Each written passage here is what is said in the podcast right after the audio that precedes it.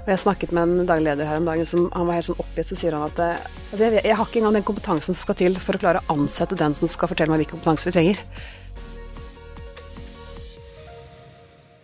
Velkommen til Sisko og podkasten Digitalisering for ledere. Mitt navn er Leif Sundsbø. Sammen med dyktige gjester beveger vi oss i skjæringspunktet mellom ledelse og teknologi, slik at du skal forstå og bli interessert, nysgjerrig og opptatt av hvordan teknologi hjelper virksomheter og samfunnet til å lykkes med den digitale transformasjonen. De fleste selskaper i Norge er små og mellomstore, og disse er svært viktige for norsk økonomi og verdiskapningen. Og i en rapport utarbeidet fra DNB i 2018 viser at små og mellomstore aksjeselskaper bidrar alene med over 40% av den samlede verdiskapningen. De samme selskapene står for over 60% av sysselsettingen i det private næringsliv. Og En stadig viktigere forutsetning for å lykkes fremover er evnen til å digitalisere, som vi har snakket om mange ganger før. Med andre ord evnen til å ta tak i og bruke og utnytte de teknologiske mulighetene og løsningene som finnes. Og litt fun fact, det finnes omtrent 607 000 virksomheter i Norge i dag. 405 000 av disse har ingen ansatte, mens litt over 100 000 har én til fire ansatte. Og det finnes faktisk færre enn 1000 virksomheter med flere enn 250 ansatte. Så Norge er definitivt et såkalt SMB-land, eller et SB-land, hvor faktisk så mange som 99,5% av samtlige virksomheter har færre enn 100 ansatte. Disse virksomhetene må lykkes med den digitale transformasjonen om vi som nasjon skal klare å utnytte vekstpotensialet fremover. Her kommer dagens gjest inn. Liv Dingsør er daglig leder i non-profit-organisasjonen Digital Norway, som ble etablert i 2017 for å få fart på akkurat digitaliseringen av norsk næringsliv, og da med spesielt fokus på SMB-markedet. Digital Norway er bl.a. eid av Avinor, DNB, DNV, Posten, Sintef og Equinor, for å nevne noe. Og Liv Dingsør leder en organisasjon som i dag teller 13 ansatte. Liv har bakgrunn fra bl.a. Invisio, Nordic Innovation Group og DNB og Aker ASA, og har utdannelsen sin fra NHH. Hun har ledet Digital Norway siden mai 2020.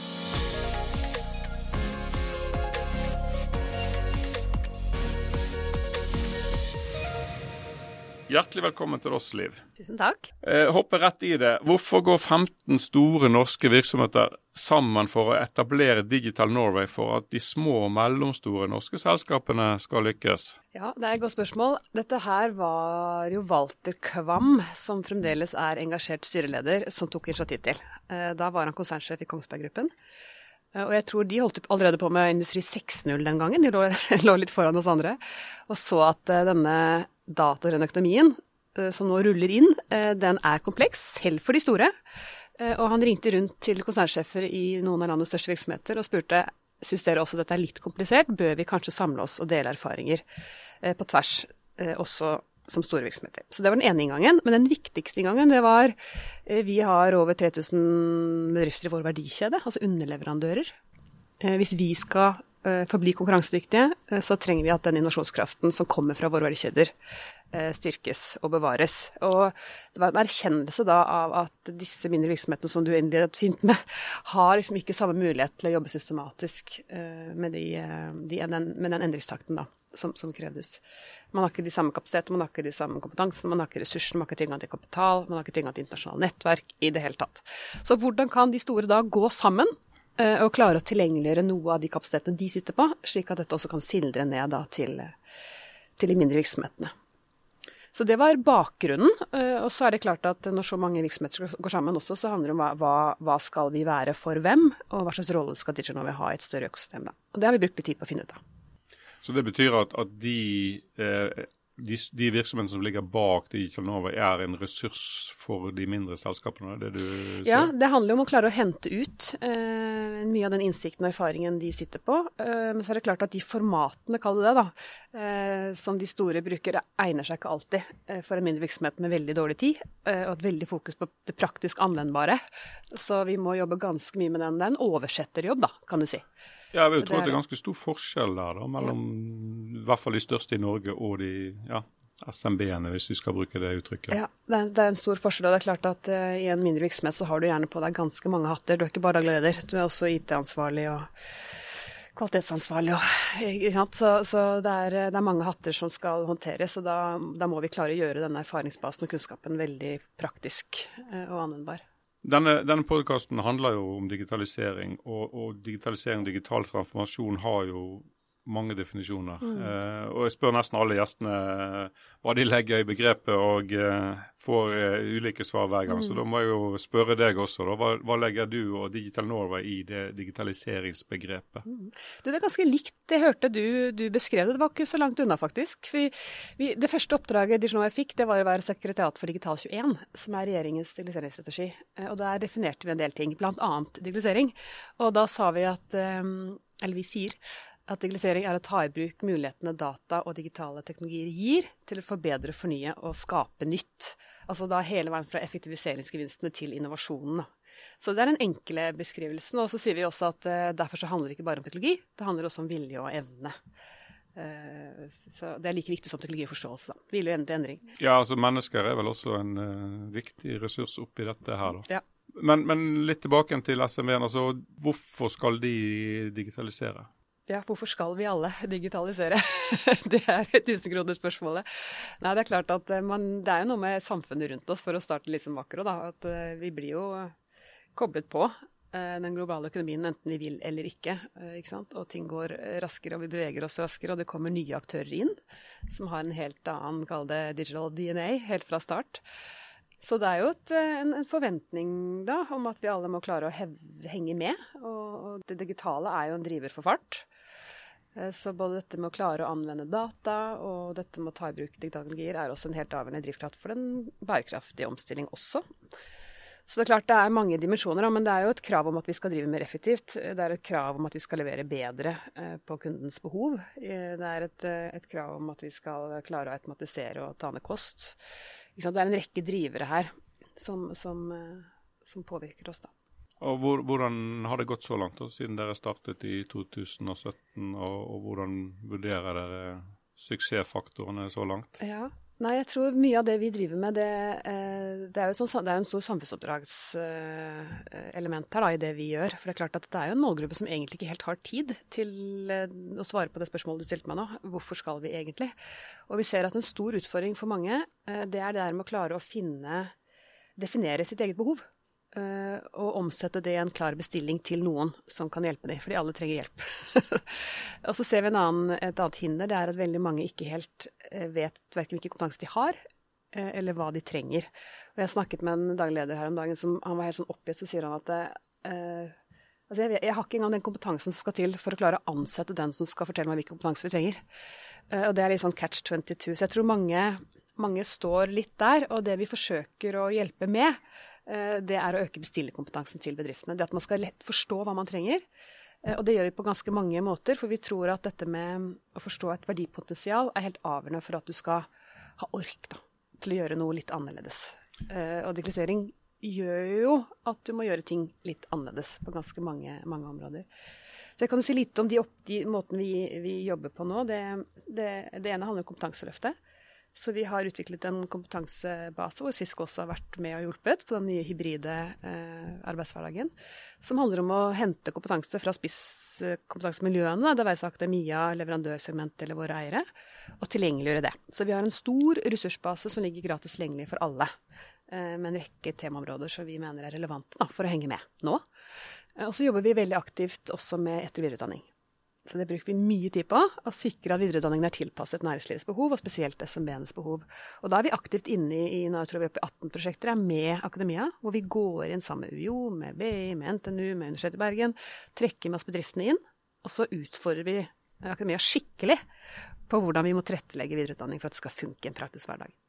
Så det er en sånn kompetansedimensjon vi jobber mye med. Så har vi også fått et stort prosjekt sammen med Realiseringsdirektoratet som heter Datafabrikken det var egentlig et prosjekt som ble modnet frem eh, blant våre eiere, som handlet om en kraftsamling for kunstig intelligens. Eh, og så så vi at eh, det er vel og bra, eh, men hvis vi skal få til noe ordentlig kraftfullt her, så må vi, eh, må vi ha anvendbare data i monn, stort monn. Eh, og derfor så samlet vi oss om det som heter Datafabrikken. Og så sitter jeg i styringsrådet og fordeling av data i Digitaliseringsdirektoratet og så at det var et veldig stort fokus på dette med å eller tilgjengeliggjøre offentlige data for økt innovasjonsakt i næringslivet. Og så tenkte vi så at vi kan ikke jobbe med dette på hver vår akse. Når vi snakker om offentlig samarbeid, så må vi gjøre dette sammen. Så da søkte vi faktisk eh, om da, Datafjord-prosjektet i et, uh, et, fellesskap mellom da Digital Norway, som representerer næringslivet, og eh, Lisensdirektoratet, som representerer offentlig sektor.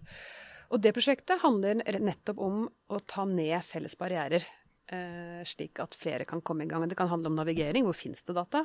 Det kan handle om eh, hjelp til dette med personvern, som er et stort hinder. Eh, det kan handle om avtaleverk, SLA-er, beste praksis og, og, teknologi, rett og slett, som ikke alle har muligheten til å gå til innkjøp av. For vi ser at det er egentlig helt umulig og samfunnsøkonomisk ganske idiotisk om ja, disse hundretusener av bedrifter skal klare å finne løsninger på på alle disse problemstillingene som oppstår når man skal ta data i bruk. Så det forsøker vi å løse, løse kollektivt for, for andre. Ja, så der, eh, der, bidrar dere til å, å, hjelpe de til å navigere i, i riktig, riktig farvann? Ja. ja og, og, og, utvikle løsninger som, som, som, kan hjelpe flere i gang. Da. Og ikke for å gå i, i hva skal jeg si, klinsj med et, et profesjonelt marked, for det handler egentlig da om å hjelpe bedriftene til å finne riktig leverandør til syvende og sist. Men noen som grunnleggende løsninger bør vi klare å etablere på vegne av disse eh, små og mellomstore bedriftene. Har du noen konkrete eksempler også hvor dere har uh, lykkes med den, uh, det oppdraget? Ja, Vi jobber, vi jobber veldig sånn pilotdrevet. Vi begynte jo i 20, vi fikk midler nå først, først i år, da. Uh, så, men vi er jo godt i gang. Vi jobber med et veldig spennende prosjekt bl.a. med noe som heter Material Mapper. Eh, som er et selskap som eh, jobber for gjenbruk av eh, hva heter det, når, du skal, når du skal rive og bygge nytt. Så hvis det er noe som rives og du skal bygge nytt ganske likt nærme hverandre, så kanskje det finnes noe gjenbruksmateriale som du kunne ha benyttet. ikke sant? Så en sånn sirkulær tankegang da, rundt dette med anleggsvirksomhet og sånn. Og det er klart at De er helt avhengig av å hente, hente data fra kommunene for å få dette til å rulle. Det er ikke helt enkelt. Eh, og det er klart at Alle kommunene har jo helt ulike måter på det, hvordan de rapporterer og tilgjengeliggjør eh, data. Og De har faktisk startet med å jobbe med PDF-rapporter og klare å hente ut informasjon. Og Da har det vært både for oss i dataprosjektet å hjelpe til med å, å, få kontakten med kommunene etablert, sånn at vi kan se på om dette kan skaleres. Og så har de jobbet med en del juridiske betenkninger på i hvilken grad kan vi faktisk gjenbruke disse dataene, som ligger åpent tilgjengelig, men hvis vi kommersialiserer de, kan vi det. Eh, og så gjør vi ikke det bare for å hjelpe med Mapper, men vi gjør det for å se på er det noen beste praksiser her som gjør at nestemann som skal inn i kommunaldata, kan få eh, mye raskere hjelp og avklaring. Da. Så det er veldig sånn behovsdrevet, og vi løser på en måte små og store problemer løpende og tar dette ut da, eh, på datafabrikkennorge.no, sånn at man kan få opp disse beste praksisene. Så, og så har vi noe som heter Datalandsbyen også, hvor man kan ha en aktiv dialog mellom dataeier og databruker. For Vi er jo avhengig av at dataeierne kommer på banen her og deler, sånn at eh, kanskje noen andre kan finne på noe smart med de dataene du ikke ser potensialet i selv. Da. Så en typisk tosidig plattform hvor man mobiliserer begge hender. Dette høres ut som et, et, stort prosjekt som går langt utover hver enkelt kommune. altså Det går, ja. må, går opp på, på regjeringsnivå ja. og AS Norge-nivå. Yes. Og det er jo mye av det Dijonovi driver med. ikke sant? Det er det der å klare å forene og samle og skalere opp. Uh, vi er veldig opptatt av at, at ikke vi må duplisere så mye i dette landet. Vi må liksom evne å komplementere og forsterke hverandre. Jeg tror at vi som en sånn nøytral, ikke-politisk non-profit-virksomhet da, evner å gjøre det på en litt annen måte enn mange andre kan. Eh, fordi det er mange som har tillit til det vi gjør. Så det er en kjempeviktig rolle vi har og tar. Den er ganske krevende. For det er jo litt sånn markedssviktsoppgaver, egentlig. Å jobbe med de tingene som egentlig vi ser at vi bør gjøre, men som ingen helt følger ansvar for. At vi tar det ansvaret og forsøker å drive den utviklingen i riktig retning, da. Og så er det noe som sier at de som tok oss hit, de kan ikke ta oss videre. da. Mm. Uh, hvilken grad gjelder det også for, for eh, SMB-ere? Du var inne på det med ledere som uh, ja. ja, mangler kompetanse osv. Ja, nei, det, det, som har skremt meg litt, for å være helt ærlig, det er både ledere og styreledere i grunn. Jeg har snakket med mange av de opp igjennom. og det jeg opplever, er at veldig mange dessverre unngår å løfte eh, digitaliseringstemaene inn i ledergruppen og i styrerommene fordi de ikke føler at de har noe kompetanse selv. Og det er en farlig utvikling. Eh, så derfor, Det er jo derfor vi jobber så veldig med å gjøre denne innsikten veldig sånn bit-sized og tilgjengelig. Eh, sånn at du i hvert fall skal føle at du kan eh, ting uten at alle trenger å vite at ikke du kan. For så å få trygghet nok da, til, å, til å ta disse diskusjonene. For klart at Vi kommer ikke utenom at det er lederen som må være drivende, rett og slett. Men så ser vi jo også at uh, vi snakker om denne T-shaped ansatte om dagen. altså det med at Tidligere så kunne du, en, du Jeg er typisk sånn, sånn den, på toppen av T-en, den som kan ganske mye rart, men ikke er veldig spesialist på noe. Og så har du liksom den som typisk kanskje kan være litt sånn IT, veldig fokusert på et eller annet domene. Vi tror jo alle må bli en T nå. Du kan ikke bare uh, ha ett domene eller en, en ekspertise. Fordi vi snakker om at vi skal jobbe mer tverrfaglig, du må jobbe i større økosystem. Du må ha en større forståelse egentlig for hva andre rundt deg driver med, sånn at du kan koble deg på. Eh, så vi ser jo det at det, det er jo også et lederansvar å sikre at, eh, at, alle ansatte også øker sin kompetanse for å kunne være endringsagenter sammen med lederen. For som leder i dag, du har ikke sjans, i hvert fall ikke i min virksomhet. For det er så komplekst, og det er så mange temaområder du skal være ekspert på. Så det å ansvarliggjøre sine ansatte tror jeg er en utrolig viktig lederoppgave fremover. Da. Altså. Ja, dette har vi vært inne på podkasten mange ganger tidligere også, at det er et leder, klart lederansvar da, mm. å, å, drive dette. Mm. Så, så, da er det lederen som må kontakte dere og eventuelt uh, få hjelp fra dere. da. Ja. Ja, så Vi ser at vi gjør en del for ledere, men vi ser også at det kommer en del vi kaller de endringsagenter. Disse engasjerte eh, som virkelig brenner for og ser noe potensial, men som ikke helt vet hvordan de skal komme i gang, eller helt vet hvordan de skal overbevise sin leder om hva ting må gjøres. Så de må vi også jobbe med å styrke. Vi er straks tilbake.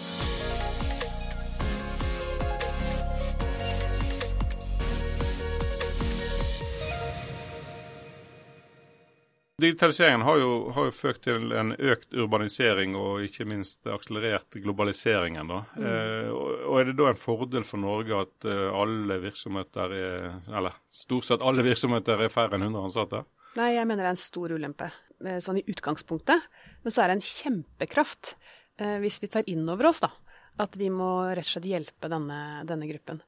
Det er min bekymring at vi undervurderer den mobiliseringsutfordringen. Um, og vi ser at vi sier ofte litt sånn, kanskje, eller kanskje litt flåst å si, men det er sånn, hvis vi klarer å flytte enda flere fra ubevisst inkompetanse til bevisst inkompetanse, så har vi gjort et kjempeløft. Uh, og det, det å, å, klare å løse disse felles problemstillingene som de alle baler med, og som selv de store sliter med å finne svar på Hvis vi klarer å finne gode, praktiske og skalerbare løsninger på en del av de, uh, så tror jeg vi kan forløse utrolig mye innovasjonskraft som også vil påvirke de store virksomhetene. Så jeg mener at i utgangspunktet er en utfordring, en kjempeutfordring. Men eh, hvis vi tar det på alvor, og hvis vi nå eh, lykkes med del mye av det vi jobber med, og det andre rundt oss jobber med, eh, så, så tror jeg at dette kan bli en, en kjempedriver for innovasjonstakten for de store virksomhetene også. Men det er jo noen som sier at eh, når SMB-ene har tid, så har de ikke råd. Når de har råd, så har de ikke tid. Og, og det er jo og som du sier, å skalere dette til 200 000 virksomheter én mm. til én er jo en krevende oppgave. Så det, noen må jo ta et overordnet uh, ansvar her, da. Ja. Hvor, hvor, ligger det? Nei, Nå forsøker vi å ta det i, i, rett og slett fordi vi ser at ikke det er tydelig eh, ansvar for det noe sted. Eh, så, så, og, og, så er det klart at vi er jo, når jeg sier vi, så er jeg i vårt økosystem. Altså vi er en nettverksorganisasjon. Så vi er jo helt avhengig. Vi jobber alltid sammen med og gjennom andre. Eh, det, det er den eneste måten vi kan lykkes. Og så er vi veldig opptatt av å, å, jobbe gjennom de etablerte strukturene. Så du kan si at Når vi jobber med, med etter- og videreutdanning, som vi er, brenner veldig for, og hvor vi ser at det trenger en pådriverkraft, eh, så er det jo selvfølgelig et veldig tett samspill med akademia. Vi lanserte akkurat et uh, Dijon forum for livslang læring, hvor vi koblet næringsliv, akademia og, og offentlige myndigheter, altså direktoratene, Direktoratet for, uh, for kompetanse og høyere utdanning, for å jobbe systematisk uh, både i praktisk i felt, men også med det strategiske. Så vi var bl.a. den eneste representanten fra næringslivet inn i revideringen av um, digitaliseringsstrategien for universitets- og høyskolesektoren f.eks. Så vi er veldig opptatt av å jobbe både på strategisk nivå, men grunnen til at vi blir trukket inn i alle disse rådene og utvalgene, er jo nettopp fordi vi også jobber praktisk. Så vi kjenner målgruppens behov på kroppen, og det er utrolig viktig. Så jeg tror dette med å jobbe, jobbe i, i, disse økosystemene er, er, kjempeviktig. Så der eh, tar vi et ansvar. Vi tar også et stort ansvar når det gjelder denne grunnleggende grunnleggende kompetanseløftet. Igjen eh, jobber sammen med andre. Det er aktører som Samfunnsbedriftene, LO, det er Gotia, en rekke organisasjoner som kommer til oss og sier at vi ønsker å sikre at våre medlemmer, våre kunder, hva enn det skulle være, er bedre rustet for fremtiden, men det er så komplekst for oss å klare å gjøre det selv. Kan dere hjelpe oss? Og så kan vi skalere da dette kompetanseløftet ut sammen med partnere. Vi jobber tett med Siva Innovasjon Norge også for å se på den etablerte innovasjonsinfrastrukturen. Det er jo et hav av næringshager, inkubatorer og katapulter og industriparker og ikke sant. Det er jo altså så mye rundt dette landet. Og det at vi klarer å jobbe gjennom de og nå helt ut den veien, tror jeg er, er kjempeviktig. Så det å tenke smart i økosystem, klare å skalere på, på, de gode tingene, men gjennom da de som allerede har tett dialog med bedriftene, tror jeg er liksom helt avgjørende hvis vi skal klare å løfte alle disse 200 000, som du sier. Ja, og, og, og livslang læring er jo, er jo, interessant. Det har jo vært oppe tidligere også. Og, og, det siste har vi jo hørt at Norge sakker akterut når det kommer til digitalisering. nå. Og så, så verserer det et tall at 600 000 nordmenn er ikke-digitale eller altså har begrensede digitale ferdigheter. Yes. Mm. Uh, og det, tenker, det, det, må jo være en kjempeutfordring også. Men hvordan står det til da? Digitale ferdigheter i, i 99,5% av de norske virksomhetene? Ja, er ekstremstrekkelaget. Mm helt ekstremstrekkelaget. Og når vi snakker om dette med, med, kompetanse, så har vi egentlig tre innganger til det. Vi snakker om litt dette med det du kalte ferdigheter, som for oss handler mye om det å kunne anvende verktøy eh, eller en maskin eller hva det skulle være. Enten i en utdanningssituasjon eller på jobb. Så det er kjempeviktig å jobbe med. Men samtidig så er det også det som vi kaller digital kunnskap. Altså det å faktisk forstå hva er teknologi, hvordan kan jeg bruke IOT, hvordan skal jeg forholde meg til cyber. Altså alle disse elementene som skal klare å se mulighetsrommet også, er en annen del av det. Og så snakker vi mye om dette med digitale holdninger. Altså det å faktisk da jobbe aktivt, det er typisk kanskje det som treffer lederen mest. Eh, det med å være en pådriver, eller en aktiv pådriver, da, for det å, å, å jobbe med både, både kunnskap og, og, ferdigheter. Så det er en kjempejobb å gjøre, og jeg tror den, den strekken i laget må vi også ivareta. Eh, sånn at vi får med oss alle her eh, på, på sikt. da.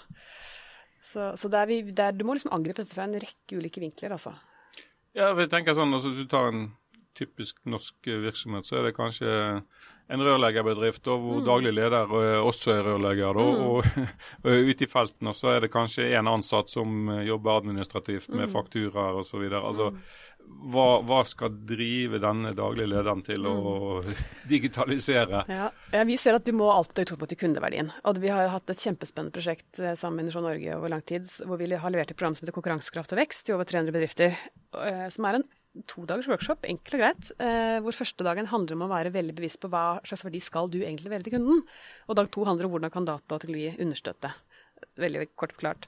Men det som er spennende, er jo at eh, overraskende mange har ikke tenkt på det første spørsmålet på veldig lang tid. Eh, og når vi spør de liksom, men når ringte du kunden, eller når snakket du med kunden sist? Så er det sånn, nei, vet du, det husker jeg nesten ikke, for jeg har bare, jeg har bare gjort dette nå de siste ti årene. Eh, sånn som jeg alltid har gjort det. Og da tvinger vi de ofte til å ringe til kunden underveis i programmet, og det er altså så eh, spennende å jobbe på den måten. Så jeg tror hvis vi skal få til endring, så må du ha fokus på eh, hva er det du faktisk gjør for kunden din, og, og hvilken verdi ønsker du eh, å bidra til for den. Eh, så skjer det ting. For det er jo tross alt derfor de fleste virksomheter er til. Det er jo fordi man skal levere noe til noen. Ja, ja. Og så får teknologi og data på en måte understøtte det, da. Behovet. Ja, det er alltid spennende å ringe en kunde, ikke det? jo, ofte veldig lurt. det er veldig lurt også, ja. ja. Ikke sant? Ja. Altså, bra. Hvilken, hvilke utfordringer ser du som de viktigste som vi må løse da, i årene fremover, hvis vi skal opprettholde uh, vår, vår, styrke og, og konkurransekraft? Ja, altså Hvis vi tar det litt sånn i den dataøkonomikonteksten, som vi jo vi er veldig opptatt av, så tror jeg det som vi var inne på der, kanskje si det er fire ting, da. Jeg satt jo blant annet, bare for å ta det, bakgrunnen for disse fire tingene, jeg satt i den ekspertgruppen som leverte innspill til den nye stortingsmeldingen om data som ressurs. Eh, og da pekte vi egentlig på fire områder som er ekstremt viktige at vi har fokus på. Og det ene handler om dette med forståelse av verdipotensial, som jeg snakket om litt tidligere. Det at vi faktisk jobber med mobilisering, inspirasjon, viser frem caser, eh, gjør, gjør, dette tilgjengelig, da, sånn at man kan forstå at å ja, dette angår meg, og, og jeg kan sannsynligvis også hente noe verdi her. Så forståelse av verdipotensial er kjempeviktig. Um, og så er det dette med kompetanse, som vi har vært inne på. Der, um, der er jeg bekymret, men vi skal gjøre vårt. Og det er både i bredde og spiss, så det er helt avgjørende at vi tar tak i. Og så er det tilgangen til anvendbare data. Eh, er jo et sånt eksempel som skal nettopp jobbe med det, og sikre at de mindre virksomhetene både blir bevisst verdipotensial i dataøkonomien, og viktigheten av å begynne å se på egne og andres data. Hvordan kan dette bidra til å løse noe for meg? Eh, og så er det selvfølgelig eh, Kapital ligger jo alltid der, men så er det dette med forståelse for det regulatoriske og juridiske. For det ser vi at at redselen for å gjøre feil, da, spesielt på dette med personvern og, og, sånn, gjør at ekstremt mange våger rett og slett ikke, i hvert fall i det segmentet. Vi snakker om at det gjelder litt sånn ditt domene, og cybersikkerhet også er et sånt område som egentlig ja, hindrer en del innovasjonsfremmere fordi man ikke tør, rett og slett. Så redselen for å gjøre feil overskygger på en måte altså de potensiale mulighetsbildet. Ja, ja. Mm. Og det gjelder også for de store. Det mm. gjelder ikke bare for de små, altså. Uh, og det er altså så mye innovasjon nå som ligger på tørkerommet si, i juridiske, juridiske, avdelinger rundt omkring i alle virksomhetene. at jeg blir helt svett. Så det å jobbe systematisk med det eh, nå, eh, det gjør vi jo i Avnotfabrikken sammen med Ressurssenteret for deling av data. Med å ta tak i alle disse juridiske og regulatoriske flokene og se om kan vi finne gode løsninger som vi da kan dele med, med Norge, da, rett og slett. For dette er et sånt, dette er et sånt nasjonalt eh, blikk vi må ha på det. da. Ja, Du snakket noe om, om eh, mangler på, på, på, kunnskap eller kompetanse, bl.a. Og det er jo mm. eh, ja, de, de, fire K-ene som er knapphetsfaktorer. Da, kultur, kunnskap, kapasitet og kapital. da. Mm. Og, hvor, hvor, mener du skoen trykker mest da, i forhold til dette? Det er alltid vanskelig å måtte velge én, men jeg tror jeg må, jeg må lene meg på kunnskap igjen. Altså, vi ser at det er altså, et så stort hinder. Altså, det at man ikke ser, ser, verdi, er et så stort hinder for det å begynne å flytte seg fremover. Så der, der må vi bare fortsette å jobbe. Jeg tror jo sånn totalt sett at det er nok kapital i dette landet, og det er jo strengt tatt nok kapasitet. Den er bare litt sånn ulikt fordelt. Eh, og det er jo en ting vi måtte inn over oss, da, tenker jeg. Vi hadde en hackathon oppe hos oss her for noen dager siden med 100, 100 stykker som var eh, Det var egentlig Kongsberg som uh, initierte den. Som går på dette med at altså vi er et langstrakt land. Det er bedrifter i den innerste fjord og den ytterste Nagne ø, skulle jeg si.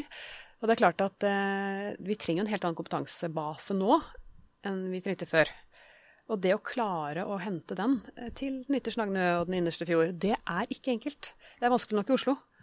Eh, så det å tenke litt nytt om hvordan denne spisskompetansen kan, gjenbrukes eller fordeles, eller ja, flyte på en litt annen måte, det tror jeg er noe vi er nødt til å jobbe masse med fremover. Fordi det er ikke nok kompetanse.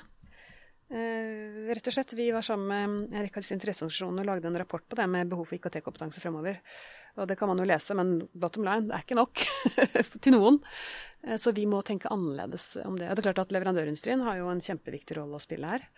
Men jeg tror også vi må tenke annerledes om hvordan dette skal flyte, rett og slett. Men nå skal vi ikke bare digitalisere for, for å styrke økonomi, men vi, også, vi, må også lykkes med den digitale transformasjonen for å, å nå bærekraftsmålene ja. som er satt. Og, og, Der blir det jo fokus mest av alt på, på klima og, og miljø. Mm. Eh, men, men, hvordan kan SMB-ene i Norge bidra til dette, og at vi, at vi når de bærekraftsmålene som er satt? Mm. Nei, altså for det første, vi har, akkurat, um, vi har akkurat lansert en sånn veiviser på bærekraft og digitalisering sammen med en rekke partnere som har blitt tatt utrolig godt imot i markedet. Og det som overrasket meg, faktisk, det er rart, det. Ting som man tenker er åpenbart, som ikke er det. Jeg trodde det var helt åpenbart at, uh, at man så for seg at data og teknologi var en kjempeviktig driver for uh, en bærekraftig omstilling. Det er det ikke nødvendigvis alle som tenker på. Uh, det overrasker meg faktisk veldig. Og det er klart at um, det vi ser nå, er at uh, veldig mye av den lovgivningen som kommer nå, og de kravene fra Finansinstitusjonen også, treffer jo SMB-sementet, Fordi de store må ha kontroll på underleverandørene sine. Så det jobber vi mye med nå, og se om vi kan hjelpe til med alt dette som går på, på en, en, Det er jo litt sånn hygienefaktorer først. Du må kunne rapportere, ikke sant. Du må ha kontroll på dine leverandører igjen, osv. Så, videre. så det er et sånn trekkspillopplegg her som vi må hjelpe til med. Og så handler det om den bevisstgjøring rundt at bærekraft er lønnsomt. Eh, igjen verdipotensialtankegangen. Hvis ikke vi klarer å måtte, nå gjennom med det budskapet, at det er lønnsomt for deg å tenke bærekraftig omstilling, for det handler om effektiv ressursutnyttelse, i eh, bunn grunn, så, så, eh, så lykkes du ikke, da. Verken som leverandør eller som virksomhet. Så, kan jo hende at kundene stiller litt krav til dette også kunne, i fremtiden? Definitivt. Eh, det er jo nettopp det at de aller fleste SMB-er er jo en del av en underleverandørkjede til en eller annen kunde som sant, vil stille krav fordi de blir stilt krav til eh, Og jeg tror jo også at mye av taksonomien, det som kommer etter hvert, også vil treffe helt ned på de minste virksomhetene. Per nå er det jo en liten sånn, eh, hva skal jeg si, et nivå, litt sånn nivå i forhold til hvor mange ansatte og når det gjelder deg, da. Men er du en del av en verdikjede, så jo nesten alle er i Norge, Eh, så må du på en måte forholde deg til dette i et, i et større bilde. da. Men er vi flinke nok til å løfte frem du nevnte litt på det i men å løfte frem de som lykkes da innen den digitale transformasjonen, altså blant SMB-ene? Uh, nei, jeg syns jo ikke det. Uh, så nå starter vi med et helt nytt prosjekt som heter Fasilitatoren, som vi lanserer nå sammen med Stiftelsen Teknologiformidling, sånn apropos det. Som har en sånn todimensjonal inngang. Det ene handler om at vi rett og slett skal bruke masse tid og krefter på å vise frem Eh, virksomheter som har fått noe til, og ikke bare hva de har fått til, men hvordan de har fått det til. Altså hvilken teknologi har de brukt, eh, og hvordan har de jobbet. Så det kommer 2022 til å bære og jeg håper mange får med seg det. Vi kan gjøre masse sammen med dere også, det blir gøy. Så det er viktig. Viktig å vise frem, og viktig å vise at det kanskje ikke er så komplisert som man trodde. Altså Vise helt praktisk hva var akkurat denne utfordringen, Og da tenker jeg at det er viktig at ikke vi ikke tenker den hele digitale transformasjonen. Eh, men vi jobber bl.a. med katapultene, som har fantastiske caser. som er sånn For at jeg skal få denne maskinen min til å funke, så har jeg behov for å fikse på denne mutteren. Det er egentlig akkurat det som er mitt problem for at min digitale transformasjon skal funke. Det er, det er det jeg må jobbe med. Ja, men da gjør vi det sånn, da. Og så er du i gang.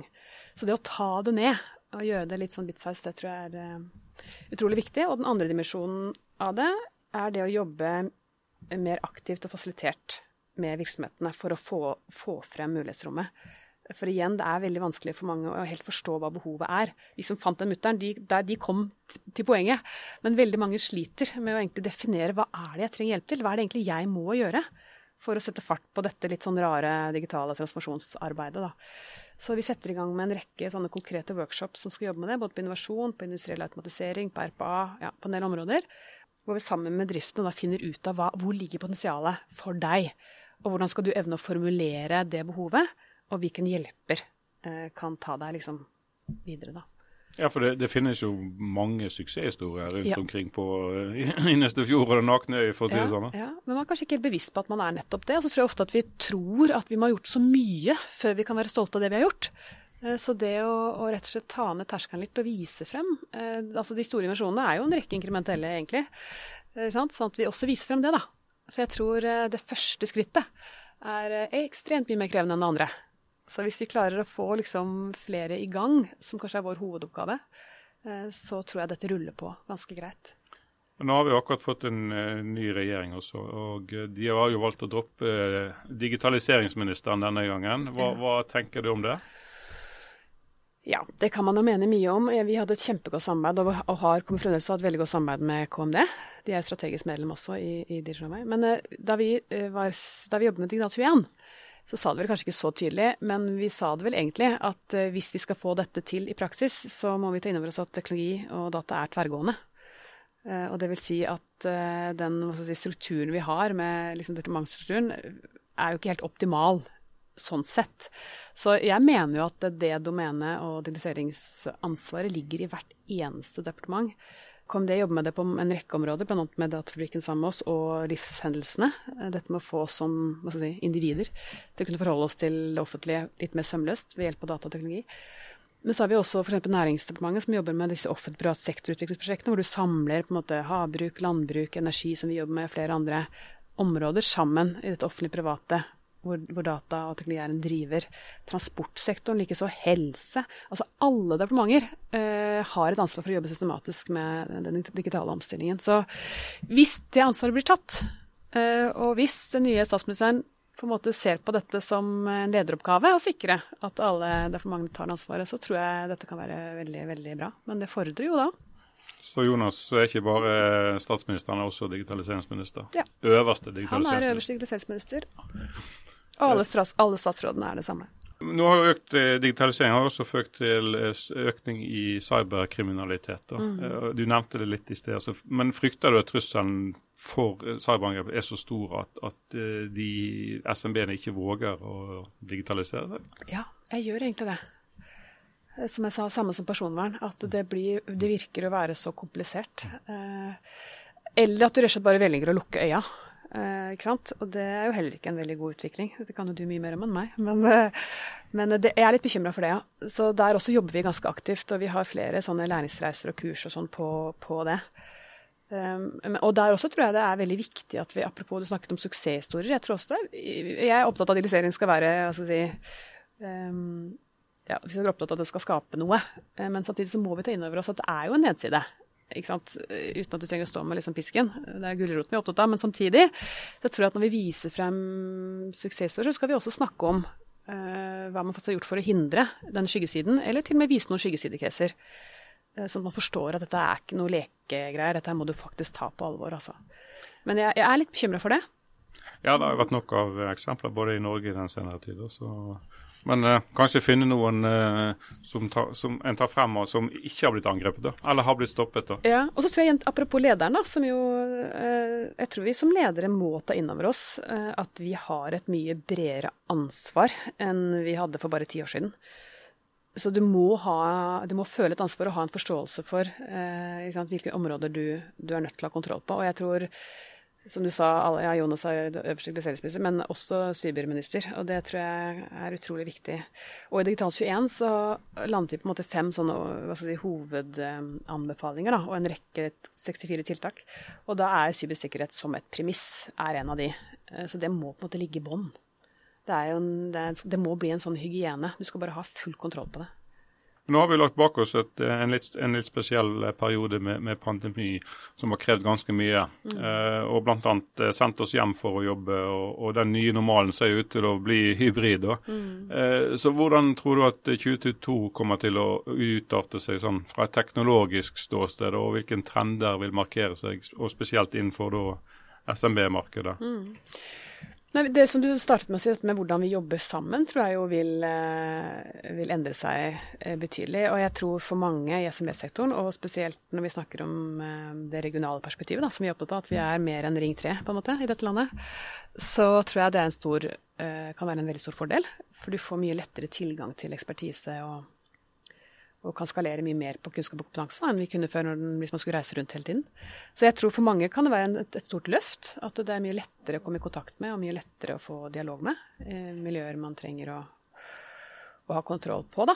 Eller ønsker å være tilknyttet. Og så tror jeg en annen ting som kanskje ikke er så mye teknologidrevet, men dette med å søke sammen i nye økosystem, det ser vi er en kjempeutvikling på det. Jeg tror flere og flere erkjenner at dette er så komplekst at de trenger å jobbe sammen med andre. Og jeg ser det er veldig mange som søker, uh, søker, sammen på nye måter for å klare å adressere disse komplekse problemstillingene i, i, fellesskap. Da. Og det er jo noe av det vi brenner aller mest for i Norway, er jo nettopp det.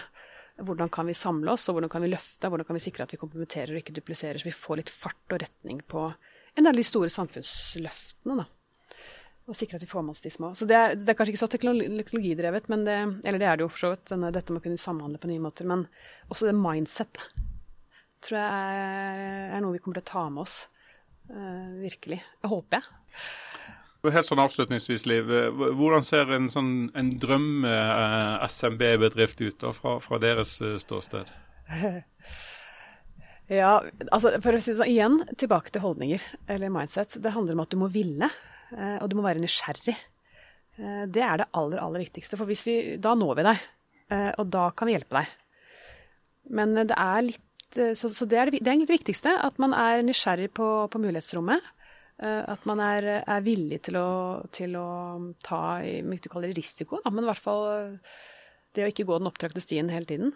Så den endringsviljen og endringskapasiteten den er, er kjempeviktig. og det, Den må komme fra leder, men den må også, lederen må også ha med seg et, et, knippe av disse endringsagentene.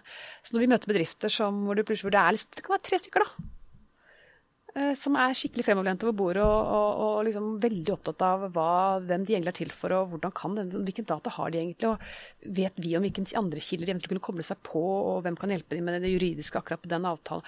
Da, da er vi liksom i gang, ikke sant.